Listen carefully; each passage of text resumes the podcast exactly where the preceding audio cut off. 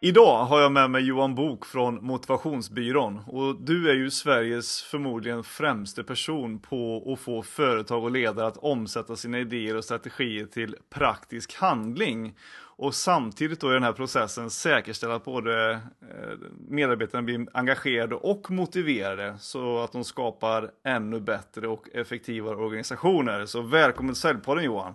Tack så hemskt mycket! Det lät ju jäkligt bra det du sa. Eller hur? jag lät förbannat bra, vad bra, tack så mycket. Eh, jag kan ju rätta dig lite eh, i det här att det finns säkert de som är bättre än mig men om man sysslar med de saker som jag gör så är man eh, ett stöd för organisationer. Man kan komma in och berätta kring vilka faktorer det är som behövs för att skapa engagemang, framgångsrika strategigenomförande, man kan vara med och ta fram utbildningar, eh, man kan målsätta, man kan coacha chefer, man kan följa upp strategier och ge data så man kan revidera handlingsplaner och så vidare. Men de som ska göra jobbet det är de i organisationen. Det kan inte jag göra utan det kommer att bli de som gör det. Och det är nog därför det är så många som går bet kring just det här på strategigenomförande. För man tar in en konsult som är väldigt dyr ofta, som gör ett bra jobb utifrån det han eller hon kan bidra med. Men sen är det då organisationen som ska utvecklas och börja göra nytt och det är ofta där det fallerar. Så man blir inte bättre som eh, konsult, om jag nu ska ta det ordet i min mun, än eh, vad organisationen mäktar med sen. Just det. Men tack för fina ord, de gillar jag. ja men det är väl förmodligen den främste. ja tack, vi kör på det. det, ja, jag tycker jättebra. det. Men du, innan du kommer in lite grann på det här med strategier och eh, effektiva och motiverade organisationer så tänkte jag skulle börja en helt annan ände och det är ju nämligen så att du och jag har ju en sak gemensamt och det är att vi eh, vi har ju varit med juniorlandslaget i volleyboll samtidigt fast ändå inte på 90-talet. Ja, vi, vi träffades ju aldrig. Eh, du var grymt bra, det vet jag, men skadad och jag var ganska mycket sämre men hel. Så då fick jag vara med istället. var, det så, var det så det var? Ja, så var det absolut. Jag tror att du var skadad och jag fick komma in för att du var skadad. Så vi var nog mycket närmare varandra än vad vi trodde. Ja, för att jag, vi, jag tror vi aldrig, vi träffades ju aldrig. Där. Nej, nej jag träffade, eller jag såg dig första gången 89 tror jag, i någon uh, hall i Västergötland någonstans. Och var mäkta imponerad. Och sen har vi inte sett sen dess, så det är ju ändå ett tag sen. Eller hur? Mm. Men det var ju rätt mycket roliga Eh, de som var med från mitt lag, de hade ganska mycket roliga historier om det. Jag vet inte, ska vi dra dem eller? Nej, de kan vi ta. Jag har en del historier om dem också, så den kan ja, vi ta en helt annan podd. jag ser fram emot det. Ja, det gör jag också. Men du, du har ju en, eh, ett företag som du kallar för Motivationsbyrån. Japp. Yep. Hur kom du på idén att skapa det? Jag gör en lång historia kort så kan man ju säga idrotten har spelat in jättemycket. Det här låter egentligen nog helt för vettigt för att vara med men redan när jag gick i jag tror jag gick i sexan eller sjuan så började jag reflektera över eh, varför tycker jag matten är så jäkla kul men geografin jävligt tråkig. Och så kom jag på att ja, men det ligger ju någonting i det här. Läraren har ju jättestor påverkan på det. Och sen började jag med idrotten, testa lite olika idrotter innan jag fastnade för volleyboll. Men där var det likadant. Ja, men på den här träningen känner jag mig jäkligt duktig, jag känner mig eh, uppskattad, jag vill lägga sjukt mycket tid och träning på att bli bättre med en tränare. Sen med en annan tränare kunde jag känna att ja, jag vill bara dra hem, jag vill inte träna det här en enda gång till. Mm. Och sen började jag jobba eh, så småningom. Eh, mitt första vita jobb, om man säger så. Jag kommer aldrig bli någon politiker. Ehm. för, mycket, för mycket skelett i garderoben. ja, i alla fall gällande svartjobb var ju en del när jag var yngre. Jag jobbade massor på byggen och sånt. Och ledarskapet där var väl inte det bästa. Men sen började jag cykla bud när jag var en 18, eh, 19. Cykla och eh, köra bud och fick en fantastisk chef som hette Dragan. Och på den tiden var jag väldigt så förvånad över att men, är det det här som är en chef? De mm. brukar ju vara jävligt tuffa och hårda så, men han var oerhört omtänksam och stöttande. man kunde ju aldrig någonsin komma in på kontoret utan att han var där. Ah, men Johan, hur, hur har det gått? Eh, jag hörde från den kunden att det gick väldigt bra och att de var väldigt nöjda. Är det någonting jag kan hjälpa dig med? Är det någonting jag kan göra för att du ska få det bättre och kunna leverera paketen på ett bättre sätt? Och eh, det var, ju, var jag inte alls van vid. Och på den tiden så hade jag långa cykeltights. Det var ju ett arbetsmiljöproblem för mig. Det var inte riktigt lika fräckt med långa tights på killar då som, som det är nu. Mm. Eller det är mer vanligt nu i alla fall. Eh, men lika ödmjuk och uppmuntrande och stöttande som han var så kunde han vara fly förbannad om man körde för fort med bilen och vi hade en perfekt raka ut till eh, Posten Express som det hette på den tiden. Eh, eller om man inte tvättade sin bil eller om det kom fram att man inte hade varit liksom hel och ren och trevlig och glad när man lämnade paketen. Så han gav ju oss, jag tror vi var 12 stycken i 20-årsåldern, en sån här varumärkesskola och fick oss att fatta att ja, men ni, ni säljer våra tjänster hela tiden. Om du kör för fort med bilen Johan, kommer det någon kund till oss eller någon presumtiv kund, tror du de vill köpa mer eller mindre av oss om du kör i 120 km i timmen på en 50-väg? Nej, de vill nog köpa lite mindre. Ja, vad bra. Då kör vi i rätt hastighet, okej? Okay? Ja, det är bra. Om vi kommer upp eh, hela och rena och glada och trevliga och paketen är hela de också, vill de köpa mer eller mindre? Ja, mer givetvis. Om bilarna är tvättade och snygga, tror du kunderna vill köpa mer eller mindre? Ja, nog mer. Så han lärde ju oss den här varumärkesskolan stenhårt och fick oss att känna oss sjukt värdefulla och vi levererade ett sånt grymt mycket bättre resultat än de andra avdelningarna som hade exakt samma förutsättningar. Men de hade inte en Dragan som skapade ett grymt engagemang bland oss 12-20-åringar som egentligen var helt förvirrade. Eh, men vi gjorde ett jäkligt bra jobb för att vi tyckte det var kul. Mm. Så det var där någonstans jag började få intresset för det här med motivation. Och sen har det liksom hängt med genom åren. Jag pluggade medie och kommunikationsvetenskap, ville alltid jobba internt, började med organisation och ledarskap. Och sen då när jag började min karriär inom det här så höll jag ju på ja, lite med intranät och medarbetartidningar. Och kom väldigt snabbt fram till, i alla fall när det gällde strategigenomförande, eh, att man ska göra någonting nytt. Och det kan ha att göra med att man ska arbeta på ett helt nytt sätt eller det är processer eh, omorganisationer, system man ska använda, om man ska sälja på ett nytt sätt till nya kunder och så vidare. Så var jag, ja, men, allt det jag gör är helt uddlöst när jag, märker, när jag mäter effekten av det. Om inte ledarkommunikationen fungerar. Mm. Om den fungerar så kan den ha en pluseffekt. Så det var där och då jag bestämde mig för att ja, men här emellan det strategiska, strategiska beslutet och effekten, det är ingen som riktigt äger det utan det bara släpper man loss och man har ingen riktig koll. Och sen, sen dess har jag jobbat uteslutande egentligen med att eh, förbättra chefer och ledningsgrupper i att leda och kommunicera med sina medarbetare. Mm. För det är en sån otroligt viktig faktor för engagemang. Eh, om man tittar på det så kan man egentligen dra en linje som heter gott ledarskap, ökar motivation som ger bättre prestationer som i sin tur skapar bättre ekonomiskt resultat. Det kan man se väldigt tydligt i forskning att den korrelationen finns mm. och är ganska hård. Och det är ganska logiskt, men det kan du ju själv. Det är klart om, om du har en duktig chef som får dig att känna dig jäkligt duktig och ger dig bra förutsättningar att prestera och du har tydliga mål som man följer upp och firar och uppmuntrar. Det är klart du gör ett mycket bättre jobb än om du har en kass chef. Mm. Och det gäller alla yrkesgrupper. Vi är inte olika riktigt på det viset. Eh, så efter många om och men eh, jobbade väl i 12-13 år med de här frågorna och fick sen av olika anledningar chansen att eh, köra eget. Eller jag tog chansen. Eget hade jag kört i många år fast inte som försörjning. Mm. Och nu, eh, nu kör jag fullt ös på det. Och det är fantastiskt roligt. Ja det är ju det. Det är kul att ha eget. Ja, om man då pratar om de här man har tre psykologiska behov som man behöver få tillfredsställt för att Eh, att man ska bli motiverad. För du, du kan aldrig göra någon annan motiverad utan det gör man själv. Men man kan skapa förutsättningar för att bli motiverad.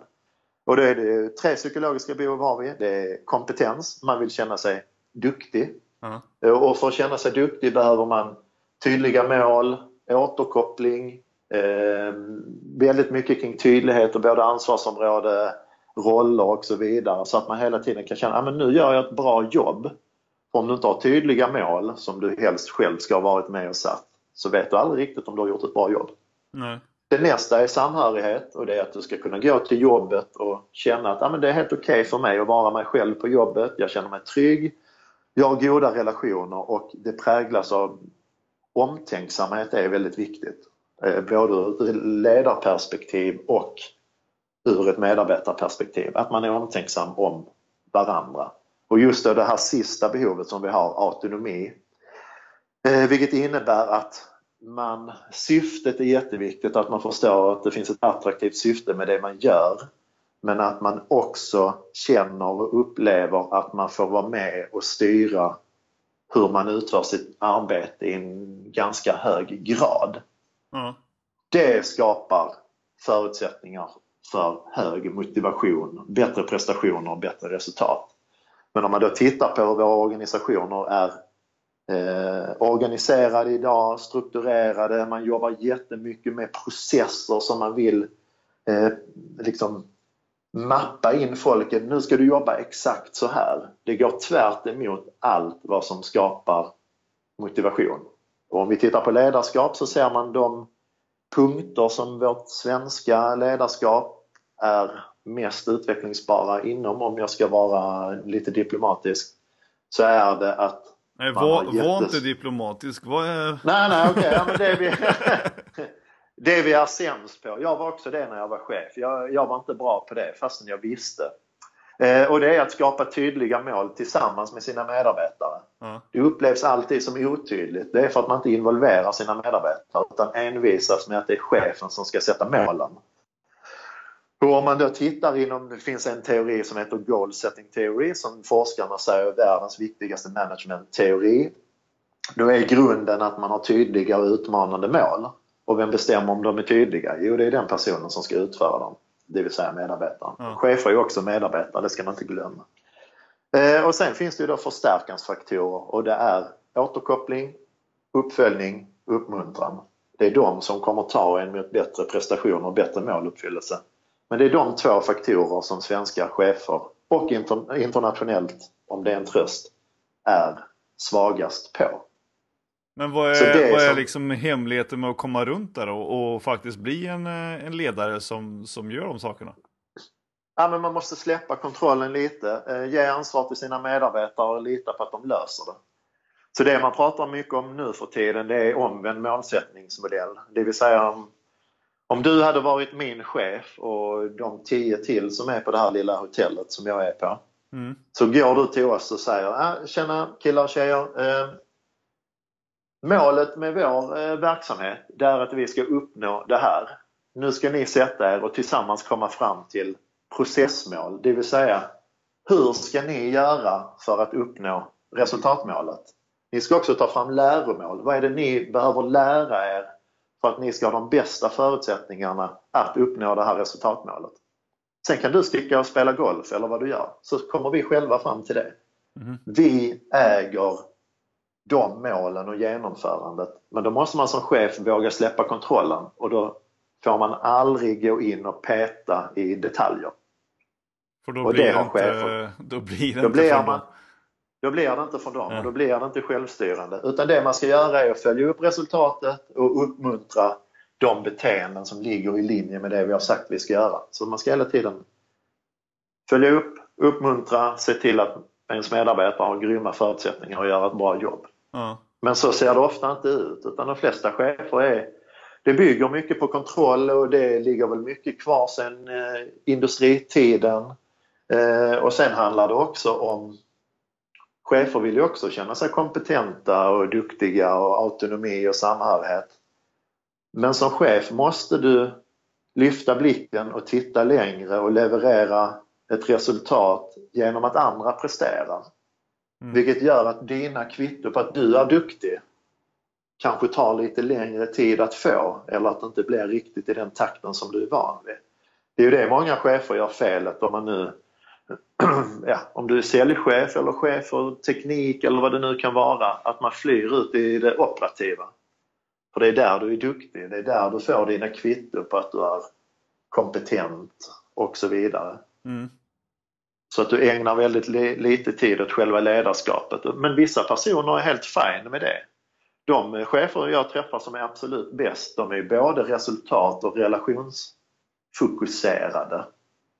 Det vill säga att de har fattat att det är relationerna med dina medarbetare. Om du kan ge dem de allra bästa, grymmaste förutsättningarna att prestera på topp för att de vill och mår bra av det och tycker det är kul och känner sig värdefulla så kommer resultatet komma som en konsekvens av det. Du får ju inte bättre resultat för att du sitter och glor på resultatet utan du ska ju sitta och glo och uppmuntra och stötta de aktiviteter som ska bidra till resultatet. Mm. Nu vet jag inte om jag svarar på din fråga. Jag... Jo, det gjorde du säkert eh, indirekt, men alltså det finns ju så himla många då teorier och det finns många faktorer som man som ledare ska ta hänsyn till som du nämnde. Yep. Men, men det måste ju finnas och det är som du sa att svenska, många svenska organisationer eller ledare brister i många av de här. Ja, Därför... eller det, man, man, kan säga så här, det är organisationerna som brister. Inte cheferna i sig. För okay. chefer behöver också förutsättningar för att vara bra chefer. Så man måste titta på organisationen för då är det högst högsta ledning och styrelse, det är de som bestämmer om man kommer prioritera ett gott ledarskap eller inte. Om inte de har bestämt och tycker det är prioriterat så kommer det inte komma. Det är de som också ser till att chefsrollen är designad för att faktiskt ha tid att kunna leda. Och nu har ju liksom, det är nog ganska få företag och organisationer som har undgått kostnadseffektiviseringens vindar de senaste 10-15 åren. Ja, mm. det de har varit jäkligt effektiva på det är ju att förstöra en chefsroll som annars skulle kunna vara ganska bra ur aspekten att leda och motivera andra att prestera. På sätt då? Det blir att färre ska göra mer. Cheferna blir mer och mer operativa. Så de flesta chefer idag känns nästan som medarbetare fast med medarbetaransvar. Men de har inte förutsättningarna att göra det för de har full agenda ändå. Mm. Men vad, vad, finns det liksom för fallgropar då? Eller, och å andra sidan måsten hos en chef för att, eh, för att man ska få för någon att skapa annan... prestation? Ja, till exempel. Och effektiv organisation. Ja, Alltså som, det är ju alltid, om man tittar på strategigenomförande så kan man säga så här att de två främsta faktorerna att man misslyckas är ett, kommunikation från närmsta chef. Mm. Mm, för den, den har inte nått fram och då pratar man om, i mitt skrå om något som kallas för kaskaderingsprincipen och det handlar om att det man beslutar på högsta nivå ska strila ut i organisationen. Mm. Vilket ju är en idiotidé redan från början för det är ingenting som ska strilas ut för här måste allting förädlas. I varje avdelning, i varje individ måste budskapet förädlas för alla kommer inte påverkas på samma sätt av de nya strategierna om det nu är någonting nytt som ska göras. Det är nummer ett, att den fungerar inte. Nummer två är förtroende för ledningsgrupp. Mm. Om man ser de organisationer som, där medarbetare, chefer, mellanchefer inte har förtroende för ledningsgruppen har oerhört svårt att lyckas med sina strategigenomföranden. För relationer är allt i det här, hela tiden. Men är det då att de inte är liksom tillräckligt öppna och liksom mänskliga i sina beteenden och mer liksom tillknäppta och bossiga? Som gör att man inte får eh, eh förtroendet? Eh, nej, men det kan nog det kan nog han. Nu har jag suttit mycket med ledningsgrupper och tittat på, alltså det finns ju ett grymt så kommunikationsgap mellan vad ledningsgruppen beslutar och vad som kommuniceras ut i nästa led. Och det beror ofta på att man ser sig, om man är på en hög nivå i en större organisation, så ser man sig som strateger. Ja, du tar fram nya strategier och mål och visioner. Sen skjuter du ut det bara till nästa led av chefer som ska vara de som verkställer det här. Men de här cheferna har exakt samma behov som alla andra att känna att de är involverade, får vara med och tycka till, att det finns en tydlighet och en relevans och så vidare. Mm. Så det är så mångfacetterat problem egentligen. Eh, och vilket handlar mycket om att mandatet att tänka fastnar hos ledningsgruppen och det mandatet tycker jag borde ha gått ut nu. Alltså om vi kunde nyttja den kollektiva intelligensen som finns i alla organisationer. Eh, där de som jobbar ute, ju längre ut i linjen man kommer, desto mer vet de ju faktiskt om vad som fungerar och inte. Ofta känner de ju kunderna mycket, mycket bättre än vad en ledningsgrupp gör. Ja. Men man, lys man lyssnar väldigt sällan på dem, vilket är väldigt märkligt. Mm. Men så, så kaskadteorin och eh, för, dåligt förtroende för ledningsgruppen, vad var, den, vad var nästa steg då sa du? Ja, men, eh, kommunikation från närmsta chef och ja. förtroende för ledningsgrupp, det är det som gör att strategigenomförande misslyckas att nå sina mål. Mm. Och det är bara en av tio strategigenomförande som lyckas. Så alltså nio av tio strategigenomförande misslyckas ute i organisationerna. Det känns ju som att det blir upplagt för, eh, med den här kaskadteorin som viskningsleken. Ja, och sen är det någon då som håller käften och då kan ju liksom en hel eh, del av en verksamhet det är inte någon som ens viskar utan de säger ingenting. Så då kan ju en hel verksamhet vara avklippt. Mm. Det räcker ju, det blir ett brott på den här linan så kommer det inte hända någonting där ute. Och framförallt, jag pratar mycket om förutsättningar att förändras och nå sina mål och jag sitter väldigt mycket med ledningsgrupper och de sätter upp strategier och det ska vara genomförandeprojekt och de sätter mål det ena högre än det andra. Och då pratar jag ofta om förutsättningar. Liksom, ja, men, eh, vad, vad menar du då Johan? Ja men har ni förutsättningar att nå de här målen? Ja men, ja men det måste vi ju annars så dör vi. Nej det gör ni inte. Men har ni förutsättningar att nå målen? Ja men vad menar du? Ja, men har ni bra chefer? Har ni motiverade medarbetare? Eh, har, är ni duktiga på att sätta mål? Är ni duktiga på att följa upp och återkoppla? Är ni duktiga på förändringar överlag? För det ser man om man är en organisation som initierar många förändringar men inte lyckas med dem. Så blir det svårare och svårare hela tiden att faktiskt lyckas.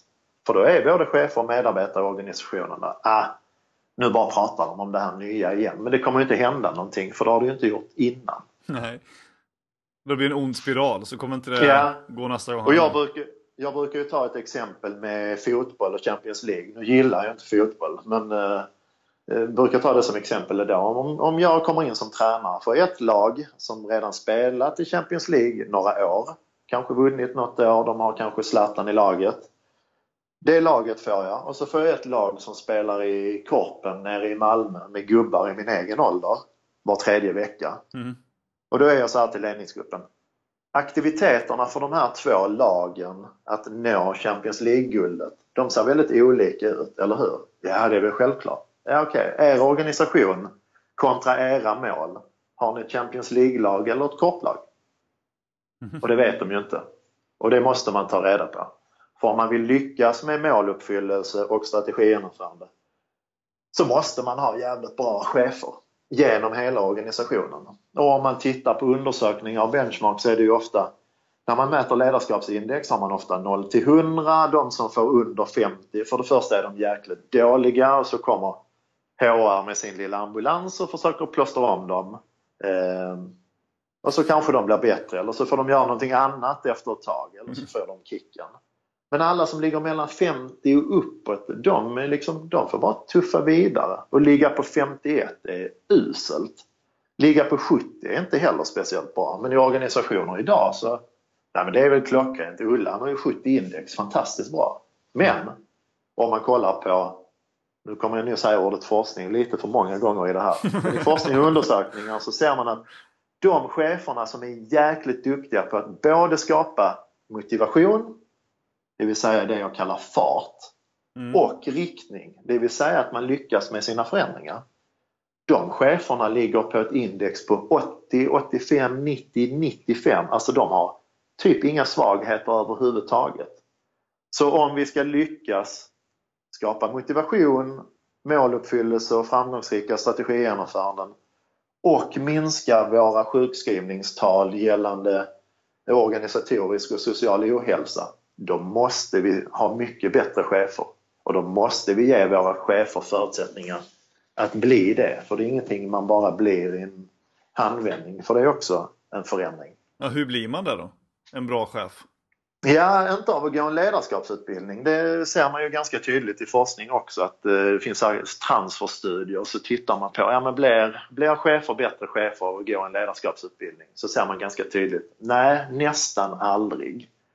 Och Sverige är, jag har läst det någonstans, jag vet inte hur hög evidensgraden är, men det land i världen som procentuellt investerar mest pengar i ledarskapsutbildning och det som jag kallar management pornografisk litteratur. Men, men vi blir inte bättre chefer för det. För det som är med ledarskapsutbildningar och litteratur eh, det är, det är inte det som är det viktiga egentligen. Det viktiga är vad som händer sen. Alltså i mm. den organisationen där du verkar som chef. Finns det en, en struktur och en miljö för dig att växa och utvecklas och uppmuntras för det i? Nej, väldigt sällan.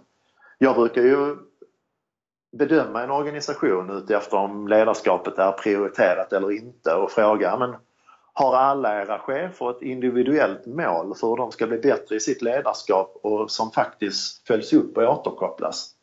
För det är inte förrän man har det som jag tycker att man på ett seriöst sätt kan säga att man satsar på sina chefer. Nej. Om du inte har ett mål, ja men du, varför skulle du då bli bättre? Men det känns lite dystert då om man har lägger så mycket pengar på ledarskapsutbildningar och sen så ger inte ledarskapsutbildningarna någon liksom direkt större effekt över tid. Antingen så måste det vara ett grovt fel på alla ledarskapsutbildningar eller ledarskapsutbildare. Eller den här management-pornografiska litteraturen. nej, nej, det är faktiskt inget fel på den. Men det var lite som jag sa i början. Jobbet görs ute i organisationen. Ja. Eh, det är ju samma, vi pratar volleyboll. Liksom, ja, vi kan ju sitta en dag och lyssna på någon som drar upp massa teorier och saker vi ska göra. Men om vi inte har en bra tränare som sätter mål och uppmuntrar och ser till att vi är motiverade och utvecklas, ja då kommer vi inte bli bättre. Men apropå Så. just ledare och volleyboll, du var ju faktiskt i Japan och träffade en av världens bästa volleybolltränare för ett tag sedan. Nämligen... Ja, han var grym. Han var Anders. Anders Kristiansson, precis. Anders Kristiansson som tog Sverige till EM-final 1989. Eh, Då var jag där. Det var faktiskt därför jag började med, var det 89? 89 det var där. i Globen. Det var, ja, det var därför jag började med volleyboll. Ja, ja vi var där och kollade. Det var stort. Ja, okej. Okay. Ja, jag önskar jag hade varit där. Men du Nej, fick ju åka till Japan ju... istället och träffa honom där. Exakt. Han var, det var ju fantastiskt att höra det. Alltså, jag har alltid varit lite så här eh, inte rädd, men försiktig med att plocka in idrottsmetaforer och idrottsledare. För jag har alltid varit, ja, men, idrott håller man ju på med för att man tycker det är ball. Eh, men så är det ju faktiskt med våra arbeten nu för tiden också. Alltså ju mer kunskapsintensiva våra arbeten är, desto mer gör vi för att vi tycker det är kul. Och de flesta som spelar volleyboll på en riktigt hög nivå, de är ju som med, alltså de är anställda. De behöver ju samma motivationsfaktorer. Men det som var kul med att träffa Anders, det var ju att han var en så här liksom, vad ska man säga, ett, eh, ett koncentrat av vad all arbetspsykologiforskning säger faktiskt skapar motivation och prestation och resultat. Okay. Eh, så han kom ju till Japan, eh, väldigt strikt hierarki, han har sitt involverande ledarskap. De låg sist i japanska ligan. Jag tror de hade en landslagsspelare alternativt ingen. Så då tog han dem till att vinna japanska mästerskapen på en säsong och sen har de vunnit tre år till. Mm. Och det var så kul att höra honom för han tycker inte, han sa jag skiter i resultatet, det spelar ingen roll. Utan det enda han gjorde var ett, att han tyckte som ledare har du en roll att du är en säljare av idéer. Mm. Och han sa om inte jag kan sälja in mina idéer till mina spelare, mina strategier, sälja in dem till mina spelare så kommer de aldrig lägga den tiden och kraften som det krävs. Och för att få dem att tycka att det är en jäkligt bra idé, ja då måste jag involvera dem. Så han tittade inte på resultatet utan han tittade bara på de aktiviteter med en hög korrelation att vinna bollar. Ja, Okej, okay, om vi servar i mm, över 107 km i timmen ja då finns det en korrelation till att vi vinner mer bollar än om vi bara servar i 100 km i timmen. Mm. Då involverar han sina medarbetare eller spelare, om man nu vill kalla det det. Eh, Okej, okay, hur ska vi träna för att bli bättre på det här? Och så gjorde de så, moment för moment för moment. Och då var han så, vi kan ha gjort ett grymt bra jobb, vi har blivit bättre på alla moment. Men vi hamnar ändå bara fyra i ligan. För de andra var faktiskt lite bättre på att utföra det här och bli ännu bättre. Mm. Så resultatet vill han titta på så lite som möjligt.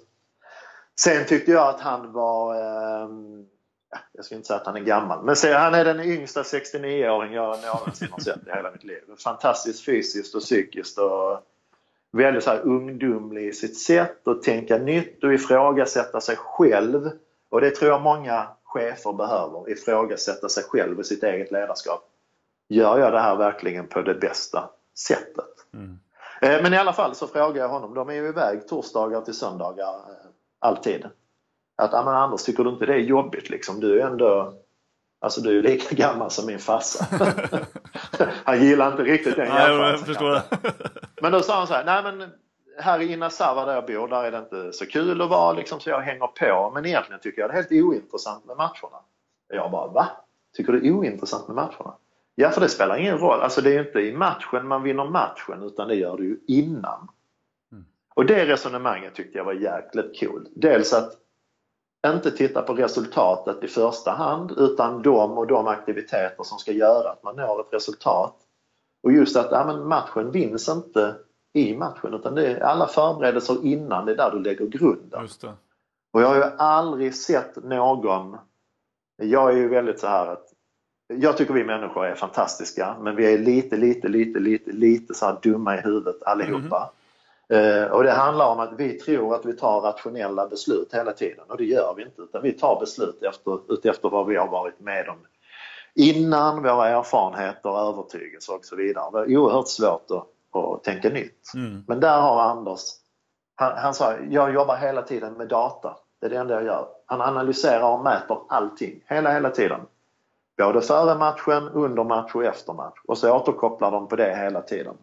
Så han säger, det är liksom inga det är inte hur jag upplever saker utan jag måste se det här. Ja men nu, nu servar vi inte som vi har sagt. Eller nu tar vi inte tillräckligt många bra mottagningar som vi har sagt. Varför, varför händer det? Mm. Så där tror jag chefer generellt i både näringsliv och kommunal och statliga verksamheter har jättemycket att lära. Och framförallt just det här att man är nära sina medarbetare. Men hur mäter man då i en kommun till exempel att en eh, enhetschef på en förvaltning har gjort ett bra jobb? Ja, det beror på vilka mål de har. Det beror på vilka mål de har. Och om man då har ett mål att skapa engagemang, då vet vi ju ganska tydligt i arbetspsykologiforskningen vad som skapar engagemang. Det vill säga att du har en eh, god relation med din chef, du upplever att din chef är omtänksam och bryr sig om dig. Dina åsikter och idéer räknas, du har tydliga utmanande mål som du själv har fått vara med och ta fram. Du får kontinuerlig uppföljning och återkoppling på dem.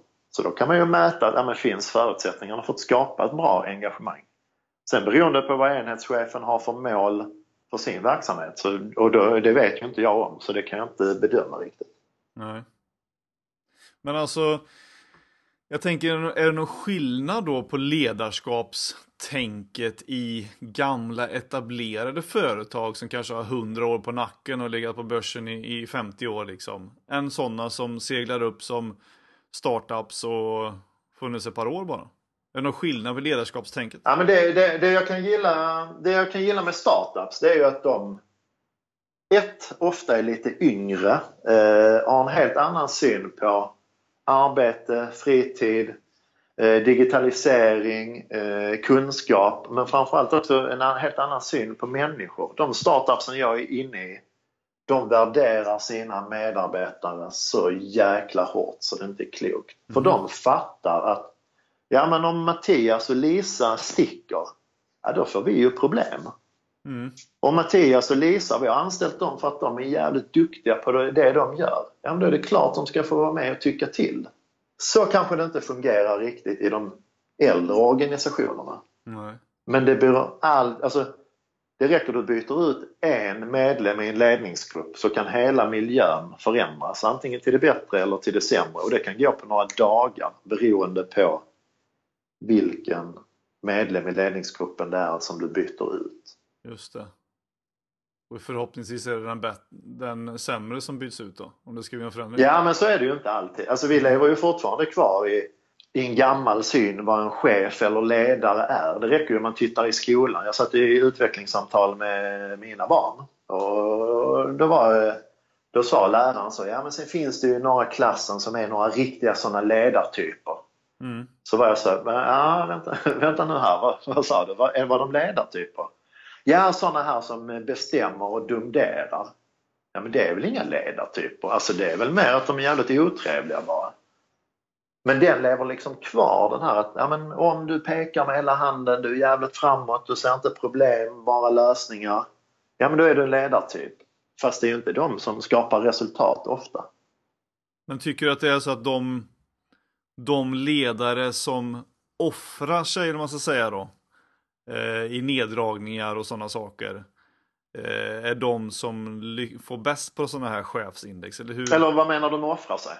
Bara mina medarbetare liksom får, får det bästa först, så det som blir kvar till mig, det är liksom... Ja, du menar så. Ja, men någonstans så innebär ju ett ledarskap att du sätter andra framför dig själv. Det är de som ska prestera resultaten, det är inte du som chef. Nej.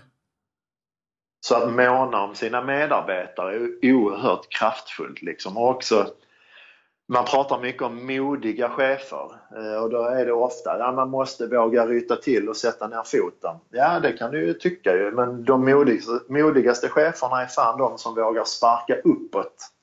När det kommer saker uppifrån och säger att ja, det här är inte okej. Okay. Mm. Det här funkar inte. Ni, ni kan glömma det. Hur tänkte ni när ni gjorde det här? Det funkar inte i vår verksamhet. Det tycker jag är mycket modigare. Att sparka neråt och slicka uppåt, det ser man ju mm. överallt.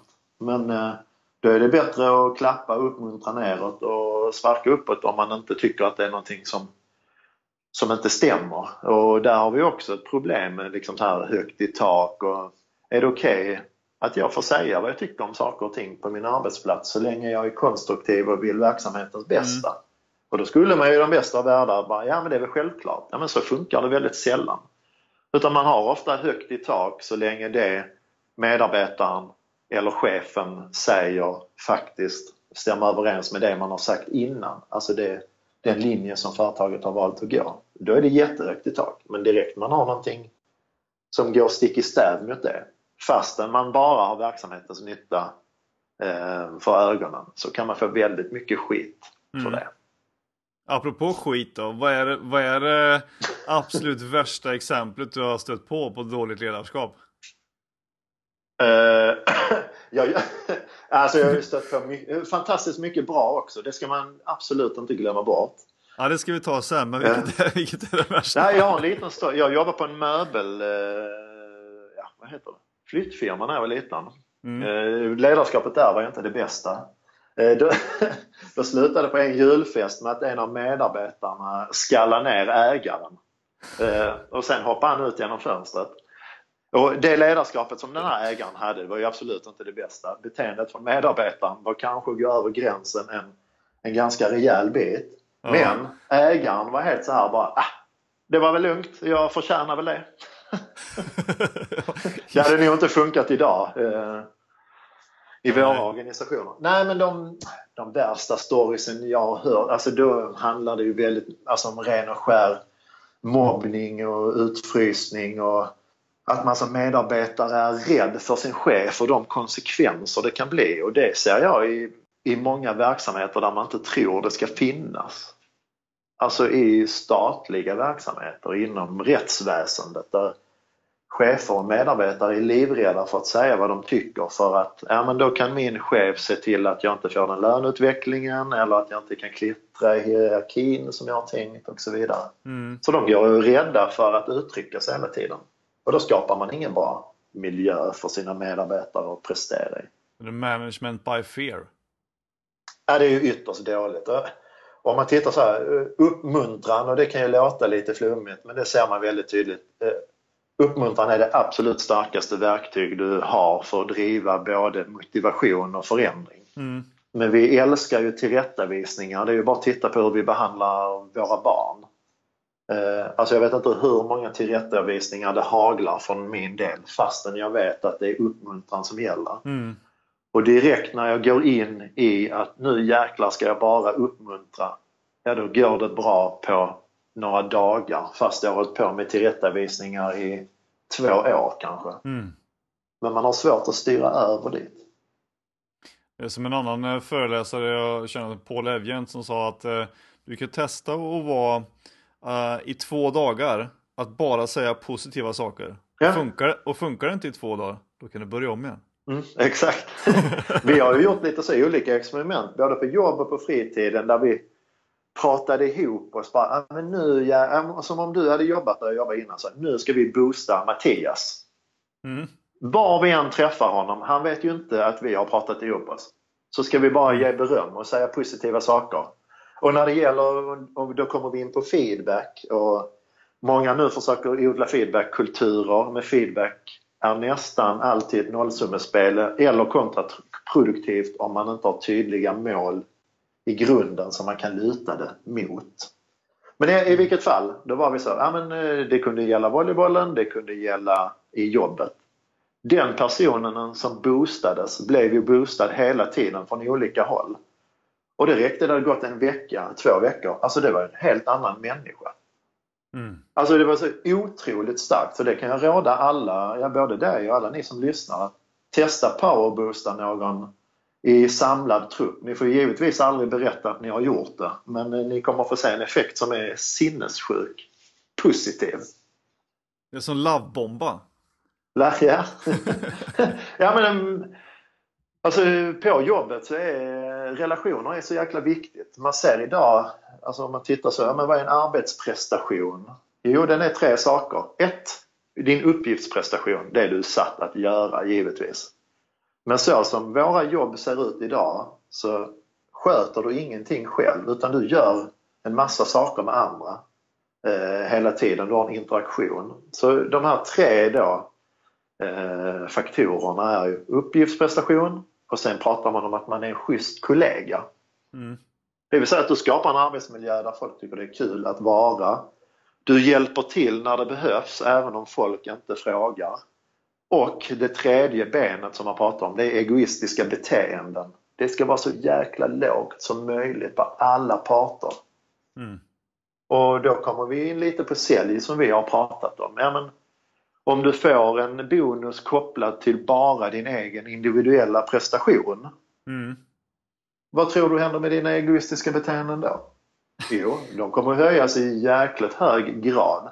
Varför skulle du hjälpa någon annan? För plötsligt har ditt värde förflyttats från att faktiskt eh, leverera något värde till kunden. Där är inte ditt fokus längre utan ditt fokus hamnar på den pengen du kan få i slutändan. Precis. Och då ser man att det är väldigt många som tar genvägar för att komma dit. Och nu har jag varit inne i en del säljorganisationer. Inte, nu, alla är ju säljare nu för tiden. Mm. Men de som har en titel säljare. Där kan man ju se att de kan ju sälja väldigt, väldigt mycket. Men det de lämnar efter sig är idel missnöjda kunder. Ja. För säljarna, det enda de har velat ha är en kraka på pappret. Så de har ju sålt in guld och gröna skogar. De har höjt förväntningarna till skyhögt. Sen när väl leveransen kommer så är ju kunderna missnöjda för det lever inte upp till förväntningarna. Nej. Men de kan ju på pappret säga shit vi säljer jättemycket. Ja men vi lämnar bara missnöjda kunder bakom oss. Mm. Så det kan ju vara att det faktiskt är en förlustaffär med någon som säljer väldigt, väldigt mycket. Precis. Det är kortsiktigt tänk. Kortsiktigt, ja men vi, jag tror vi människor är ganska dåliga på att vara långsiktiga. Mm.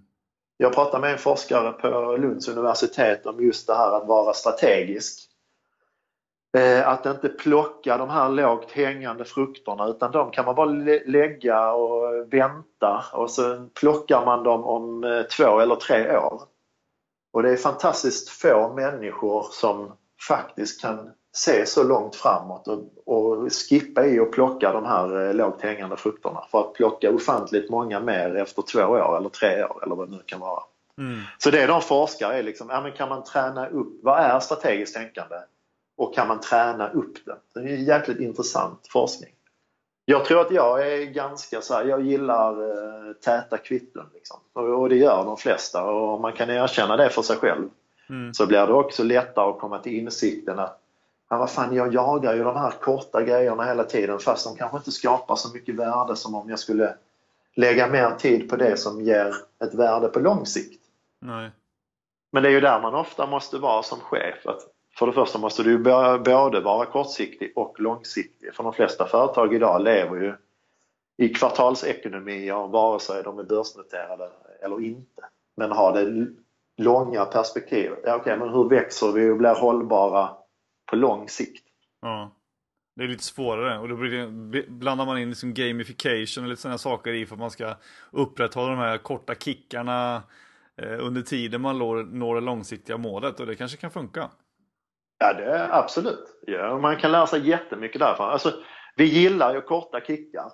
Eh, men det gäller att någon har det långsiktiga perspektivet för då kan du göra korta delmål. Eh, och det är ju därför det är så viktigt med mål, att man har, man har resultatmål, man har processmål och man har läromål. Så att man hela tiden kan känna, ja men nu, nu tog vi ett, ett delmål där, vi är faktiskt på vägen. Mm. Sen är ju gamification mer än så, men man ska hela tiden känna, men låt oss människor som gillar de eh, täta kvittona, för det gör vi, vi vill ju helst känna varje dag när vi går hem att vi har gjort ett bra jobb. Mm.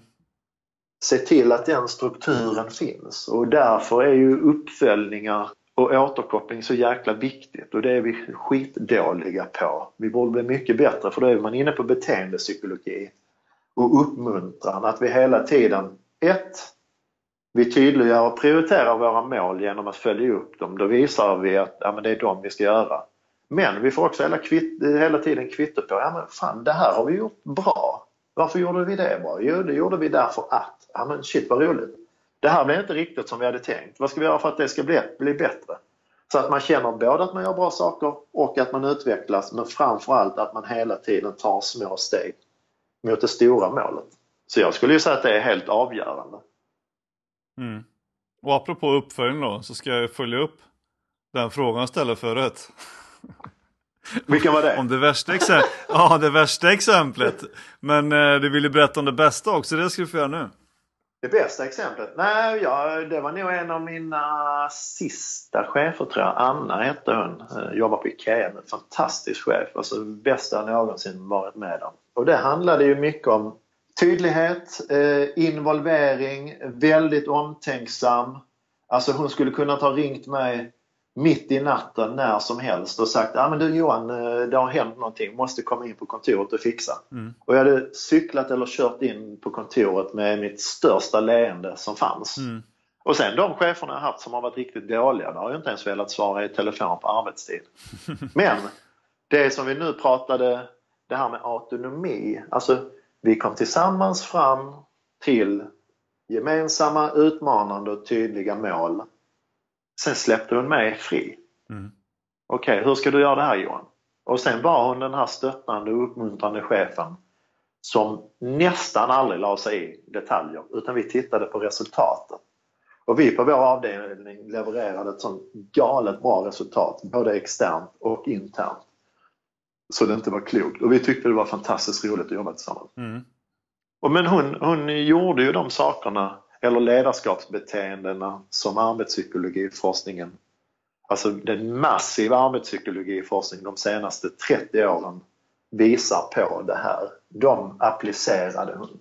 Men var det för att hon var naturligt bra på det eller hade hon lärt sig det?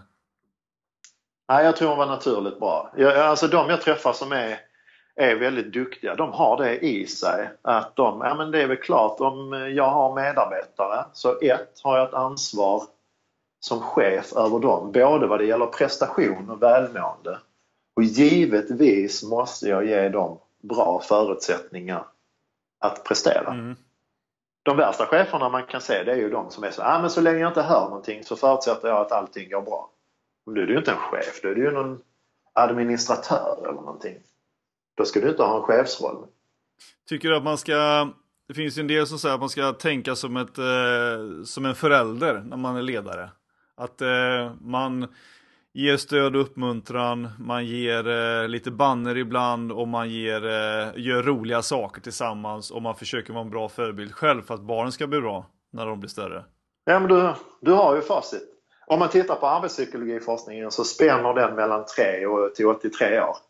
Ehm, så de psykologiska behov som mina två döttrar har som fyller 8 nu i, Mm. maj, de är exakt likadana som mina. Så det som gör att de blir motiverade att göra saker är samma faktorer som får mig att bli motiverad. Mm. Så jag brukar ta upp dem i mina föreläsningar. Jag har ju ett exempel kring Halloween. Eh, för när jag, jag läste en bok som heter Fem gånger mer kärlek som grundar sig i forskning kring relation förälder-barn. Mm. Och direkt när jag läste den så var jag så, men det här är ju en ledarskapsbok. Den säger exakt samma sak. För det första kände jag mig som en jävligt dålig förälder. Man gör så sjukt mycket eh, dåliga saker för att man går på en känsla liksom istället för att nu ska jag bemöta dem så här. Så jag tror efter jag läste den att jag har blivit mycket bättre. Mm. Men i alla fall när jag läste den så ringde jag en eh, professor som jag känner eh, och frågade men vad är det här? Här sitter jag och läser en bok om barnuppfostran är det ju inte, men relationer förälder-barn och jag ser det som en ledarskapsbok. Och berättade han det här för mig att ja, men det är ju faktiskt så att vi har samma psykologiska behov så vi funkar exakt likadant. Och med det sagt så börjar jag ju göra lite så sociala experiment på mina barn. Det kan man ju tycka vad man vill om. Men eh, vi har väldigt bra relationer och så. Så de, fattar ibland att jag skojar, inte alltid. Men då var det halloween för två år sedan. Eh, och då kom det sig att de ville rita teckningar och sätta upp på dörren för att skrämma bort de här häxorna som kommer och ska skrämmas eller tigga godis eller vad de nu vill. Aha. Då blev jag så här, ah, men shit, nu ska jag testa att vara den här frånvarande, lite otrevliga, detaljstyrande föräldern. Så ska vi se hur jävla ball de tycker det är att rita. Mhm. Så jag gick ut, satte mig i köket, de fick själva plocka fram pennor och saxar och så vidare. Och så kom jag in i rummet, eh, så hade Molly börjat klippa en rund teckning och gick direkt fram till henne och sa, men du Molly, en rund teckning, ingen som kommer bli rädd för den. Och så hade Ebba börjat rita lite ögon och sa, du Ebba de ögonen får du rita om, det är ingen som kommer bli ett skiträdd för dem. Eh, Det resulterade i att de ritade en teckning. Sen, eh, sen sket de i det. Det var den Så- glädjen. Så jag dödade, genom att ta bort förutsättningarna för motivation hos dem, så dödade jag motivationen direkt. Mm. Dagen efter så skulle jag, då ville jag göra om. Då var den här närvarande, stöttande, schyssta, uppmuntrande, icke detaljstyrande föräldern. Mm. Och då fick jag ju verkligen känna på det här som bland annat Anders pratar om, att sälja in idéer. Mm. sälja in en idé till någon med ett stort förändringsmotstånd. Eh, Men efter många om, om och men så lyckades jag. Eh, Jag satt med dem. Eh, Mo- Molly klippte fram till mig en rund teckning igen. Och då sa jag att ja, men Molly, en rund teckning, shit vad grymt. Det är ingen som kommer våga ringa på vår dörr när det sitter en sån uppe. Ebba började rita någon mun. Jag var direkt och sa, ah, men Ebba hur tänkte du när du ritade den munnen? Den blev ju jätteläskig. Det är ju ingen som kommer våga gå in i trappuppgången. Och det slutade med att de ritade 54 teckningar innan vi fick bryta för att vi skulle äta mat. Dagen efter ville de rita igen. Ja. När det var en vecka kvar till Halloween 2016 så började de prata igen om att rita. Så den kraften det fanns i att få dem att vilja göra saker eller inte göra det. Det är exakt samma kraft man har i ledarskapet i arbetslivet. Problematiken i arbetslivet är att de kan inte göra som Ebba och Molly och bara skita i det eller lägga sig ner och gråta utan de kommer fortsätta utföra sina arbetsuppgifter för att de förväntas göra det och få betalt för det. Men de kommer tycka det är jäkligt tråkigt, de kommer inte Mm. tycka det är värdefullt. De kommer inte trivas, de kommer inte vara effektiva, de kommer inte vara engagerade, de kommer inte vara lojala och så vidare. Nej. Och det är mycket enklare och roligare att vara den uppmuntrande, närvarande chefen. Det är inte jättemycket skillnad. Men vilka liksom egenskaper hos chefer brukar stå, eller stå högst på listan över liksom önskegrejer för att få bra och motiverade arbetare? Har man kollat på det? Ja, men det kan man ju generellt säga. Involvering, det säger man ju är nummer ett. Ja, men vill du ha folk eh, i din organisation att bli involverade eller engagerade i det ni gör, ja men se till dem att bli involverade i lösningen då också. Mm. Och det kan man ju bara dra till sig själv. Hur många saker gillar du att göra som någon annan kommer till dig och säger att du ska göra exakt så här?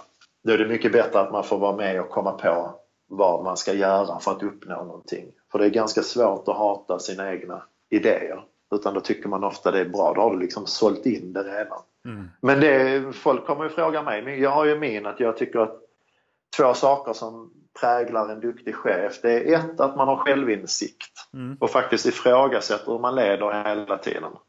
Och det märker jag de som är väldigt duktiga. De är hela tiden de är absolut inte stensäkra på att de har en bra ledarskap utan de ifrågasätter sig själva hela tiden fast de, de är jätteduktiga.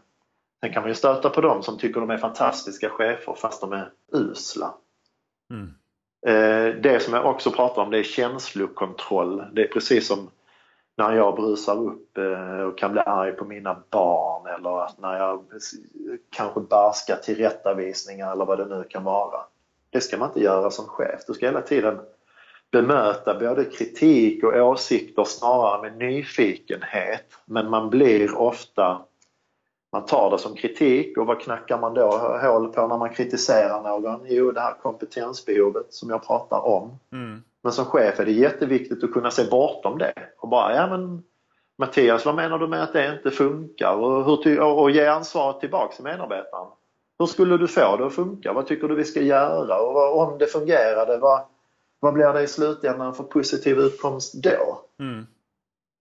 Så självinsikt och känslokontroll är väldigt viktiga parametrar. Men om man ser det ur ett medarbetarperspektiv så ska de ju känna sig trygga med både sina medarbetare, eller sina kollegor och sin chef. Men framförallt vara involverade i eh, arbetet och hur man utför det på bästa sätt.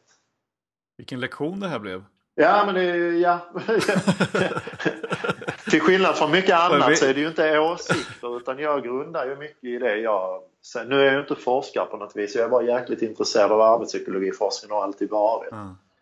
Jag grundar det i vad den mest evidensstarka forskningen i hela världen säger. Sen att mina åsikter ligger i linje med det, det är någonting helt annat. Men du, eh, du skriver ju rätt mycket artiklar på LinkedIn. Ja, det kan man ju lugnt säga. och, jag, och jag tror att du är den mest eh, följde, får man kalla icke-offentliga personen just nu på LinkedIn med typ 13 000 eh, följare och liknande. Ja, det finns nog några som har lite fler följare. Nu riktar jag mig bara till Sverige, men jag, jag tror jag är den som driver mest trafik i alla fall. Det tror jag. Men vad tror du att det beror på? Är det digert arbete eller har det bara liksom råkat bli så? Nej, men ur det, ja, ja, min mission är att eh, jag tycker att vi inom arbetslivet, och då riktar jag mig in på Sverige, vi kan så mycket bättre. Och arbets, genom arbetspsykologiforskningen vet vi hur vi kan göra det bättre men arbetspsykologiforskningen måste vara den forskning som är minst applicerad av all forskning som finns. För det är en sån oerhörd krock med hur organisationer är strukturerade, hur man ser på ledarskap, hur hierarkier ser ut, processer och system och så vidare. Mm. Men min mission är att det är att faktiskt upplysa om vad arbetspsykologiforskningen säger skapar gott ledarskap, förbättrad motivation, bättre prestationer och högre måluppfyllelse och ekonomiskt resultat. Mm. Och hur man kan applicera det i sina organisationer. Det, det borde ju vara som du säger, en av de viktigaste sakerna för ledare att ta till sig då. Den forskning som finns och applicera det. För du skriver ju du skriver ju ändå i ett inlägg att det är bara 16% av Sveriges medarbetare som är motiverade på sina jobb. Ja, och då är det ändå lite högre än internationellt. Det är ju Gallup, det är nog världens mest, eh, alltså det är nog de som har mest data i världen kring ja. det. Sen är det inte forskning på det viset utan det är mer en undersökning. Men 16 procent? Ja, och då menar man att man är aktivt engagerad. Att du verkligen så, du är beredd att göra det där lilla extra för din arbetsgivare. Sen har vi en på, jag tror det är 83% eller 80 eller vad det är, som är liksom sådana här lite passiva. Ja, men de går till jobbet och gör sitt jobb och sen går de hem. Men de tycker inte det är speciellt kul. Sen finns det ju en grupp som är de här 13 procenten i i botten som jag för mig de heter aktivt oengagerade, vilket är ett fantastiskt uttryck. och de vill faktiskt sin organisation illa. Ja. Där har det gått så långt. Men jag, jag är inte det minsta förvånad. Alltså med den Alltså, om man tittar ur forskarperspektiv så kan ju jag väldigt lite, men med den kunskapen jag har så är jag inte det minsta förvånad att det ser ut så i våra organisationer. För vi tror fortfarande att folk bara går till jobbet för att få en lön. Mm. Eh, att de ska vara jävligt glada att de är anställda här och de ska bara göra vad vi säger till dem för att de får en, en lön. Men om vi hade om kunskapen om hur människor fungerar hade varit mycket mer utbredd och applicerad så hade vi fattat att ja, men, så kan vi ju inte förhålla oss till anställda. Då blir det ju inte bra. Nej. Och om man tittar, det arbetspsykologiforskningen visar på det är ju att du slår ju så sjukt många flugor i en smäll om du förbättrar ledarskapet. Du får mer motiverade medarbetare, de når sina mål i högre grad, de eh, presterar bättre e-, ekonomiskt resultat, de är mer innovativa, de samarbetar bättre, de är mer uthålliga, de är mer lojala och effektiva och så vidare. Så om du förbättrar ledarskapet utifrån de här då, att de ska främja de tre psykologiska behoven som jag pratade om innan, då får du allt det här på köpet. Mm. Så det är inte så att det finns ett, eh, ett ledarskap som är hälsofrämjande och ett som är prestationsfrämjande för det är exakt samma faktorer som gör att man blir jäkligt taggad på att uppnå sina mål för att man tycker det är kul och att det känns värdefullt och man känner sig uppskattad. Det låter ju väldigt enkelt. Ja men uppenbarligen är det inte det. men vi lever ju kvar i gamla strukturer. Alltså, om vi pratar om att 9 av 10 strategigenomföranden misslyckas så är ju det här också ett strategigenomförande, alltså ett gigantiskt strategigenomförande där man egentligen måste tänka om helt hur man är organiserad. Mm. För, det, för det första tror jag ledarrollen kommer om 10-15 år så kommer ledarrollen, det kommer inte vara den här styrande som bestämmer allting utan det kommer vara självstyrande avdelningar där chefen är mer satt till att givetvis att de håller en viss riktning och att de är på väg mot resultatet men mycket mer att skapa förutsättningar och uppmuntra mer åt coachhållet egentligen. Mm.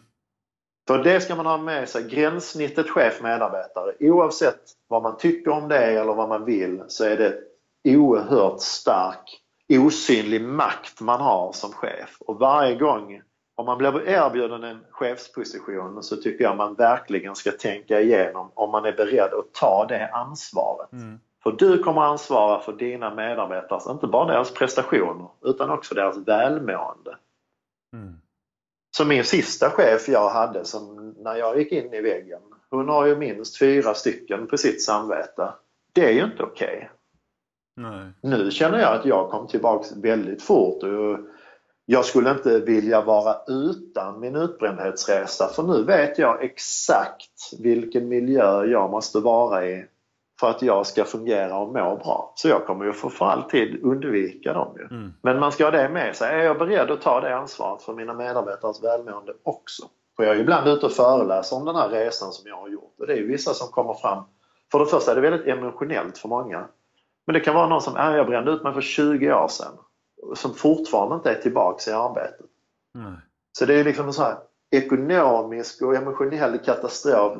Givetvis för individen som drabbas men också för organisationen. Det är ju jättedyrt. Och för Sverige är det ju snordyrt med mass, massa människor som går ut i sjukskrivningar länge och inte har en arbetskapacitet på flera, flera år. Nej.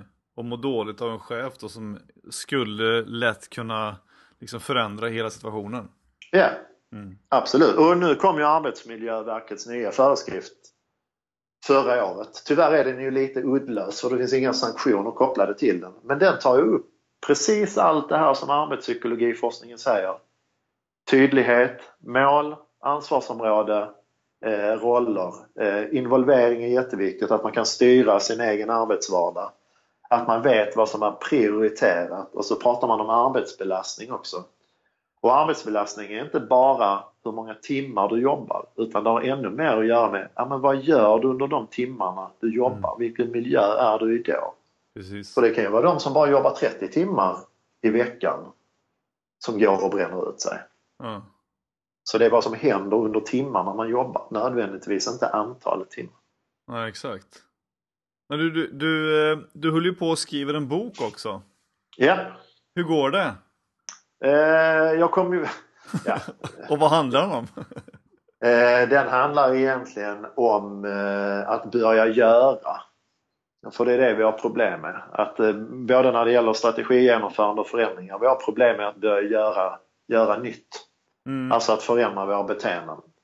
Så den handlar mycket om det. Först tänkte jag ju skriva ännu en sån här management pornografisk bok men eh, kom till mina sinnes fulla bruk och tänkte ja, men om jag gör en så det är egentligen en övningsbok med massor av övningar där man kommer fram till, ja, okej, okay, men vad, vad behöver vi göra och vad behöver vi göra för att vi ska börja göra saker?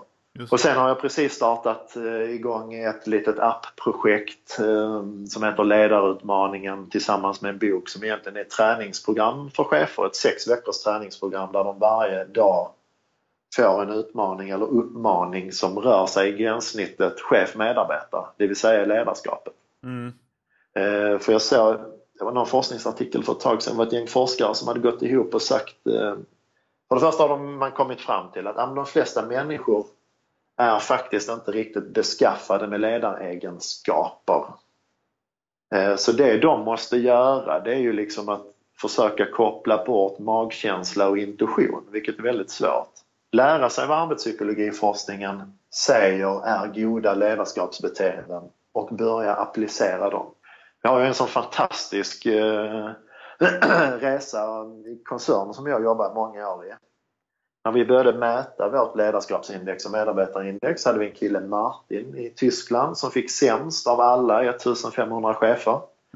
Då är man ingen stjärna. Nej. Eh, det Martin däremot var jävligt cool på, det var att han ville vara en jäkligt bra chef. Så det han gjorde, han godtog ingen HR-ambulans utan han eh, steg in till sina medarbetare och sa att jag vill att ni ska tycka det här är världens bästa arbetsplats att vara på. Jag vill tycka samma sak. Vad vill ni att jag ska göra som chef för att ni ska tycka att det är jäkligt bra? Mm.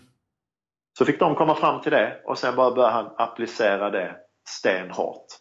Två år senare står han på scenen på vårt ledarmöte. Då har han fått det bästa ledarskapsindex av alla 1500 chefer i Lantmännenkoncernen. Mm. Och han var så, ledarskap tar inte så mycket tid som man tror. I början tog det tid för det var mycket det här med målförtydligande, ansvarsområde, roller, involvering och så vidare. Mm. Men nu sa han, jag lägger en kvart om dagen på ledarskap. Men jag planerar in den. Så varje måndag morgon sitter jag och planerar min vecka. Vem ska jag ge feedback när? När ska jag göra det? Och så vidare. Och så gör jag det. För då blir det av, annars blir det inte av. Nej. Så alla kan göra den resan om man vill, även om man inte har det naturligt i sig. Där- Däremot är det ju lättare för de som har det naturligt i sig, givetvis. Men kan man träna upp det då? Alltså du kan ju träna upp i den mån att du får in det som en vana. Ja. Man brukar ju säga att när du har gjort någonting i 66 dagar går någon sån gräns. Hur man nu har kommit fram till det, det vet jag inte riktigt. Du har börjat ett nytt beteende, blir en vana, då tänker du inte på det så mycket längre. Nej. Så man, det handlar ju jättemycket om uthållighet då. Att, ja, men nu börjar jag, men jag ska ge alla mina medarbetare kontinuerlig återkoppling och feedback.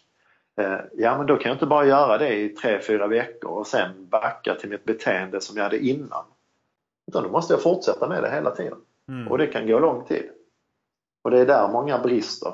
Ja, det är ju eh, det är ju bara att sätta igång helt enkelt. Ja, börja göra. Mm. Men vad- kommer boken att heta sen då? eh, vad sa jag? Tala silver och göra guld, tror jag. Mm.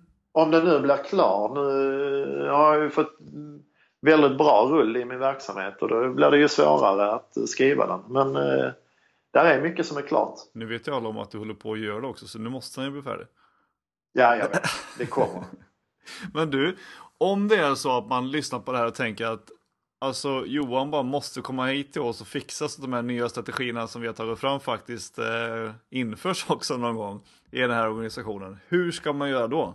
Ja, för det första ska man ju då inse att jag kan komma dit och hjälpa er med hur ni ska göra och hjälpa er på vägen. Men att de själva kommer få göra det. Mm. Men det de kan göra det är att eh, antingen kontaktar de mig på LinkedIn, Johan Bok med två O. Jag tror det bara finns en till. Eh, eller så går man in på motivationsbyrån.se och kontaktar mig det. på det viset. Eller så har jag skrivit ett blogginlägg eh, som heter Frågorna som alla organisationer borde ställa sig för att lyckas med sina strategigenomföranden. Där jag går igenom steg för steg vilka frågor det är man bör 1. Diskutera, 2. Ta aktivitet på för att lyckas. Coolt. Det kan man göra.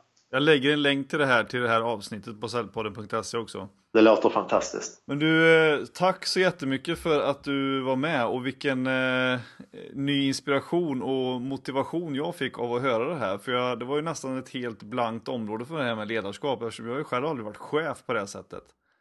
Så att, eh, det var faktiskt jättekul att höra hur det går till och vad du tycker. Ja, vad roligt. Eller vad arbetspsykologiforskningen säger. Ja, det är precis. skillnad. Ja. Som förmedlas, kan, kanaliseras via dig kan jag säga. Exakt. Ja. ja men jättestort tack Johan för att du tog dig tid att vara med i Säljpodden. Tack för att jag fick vara med. Lycka till nu med alla föreläsningar och utbildningar och med boken då. Och appen. Underbart. Ja, Tack detsamma. gött. Ja, ha det bra. Hej. Hej. Du med. Hej.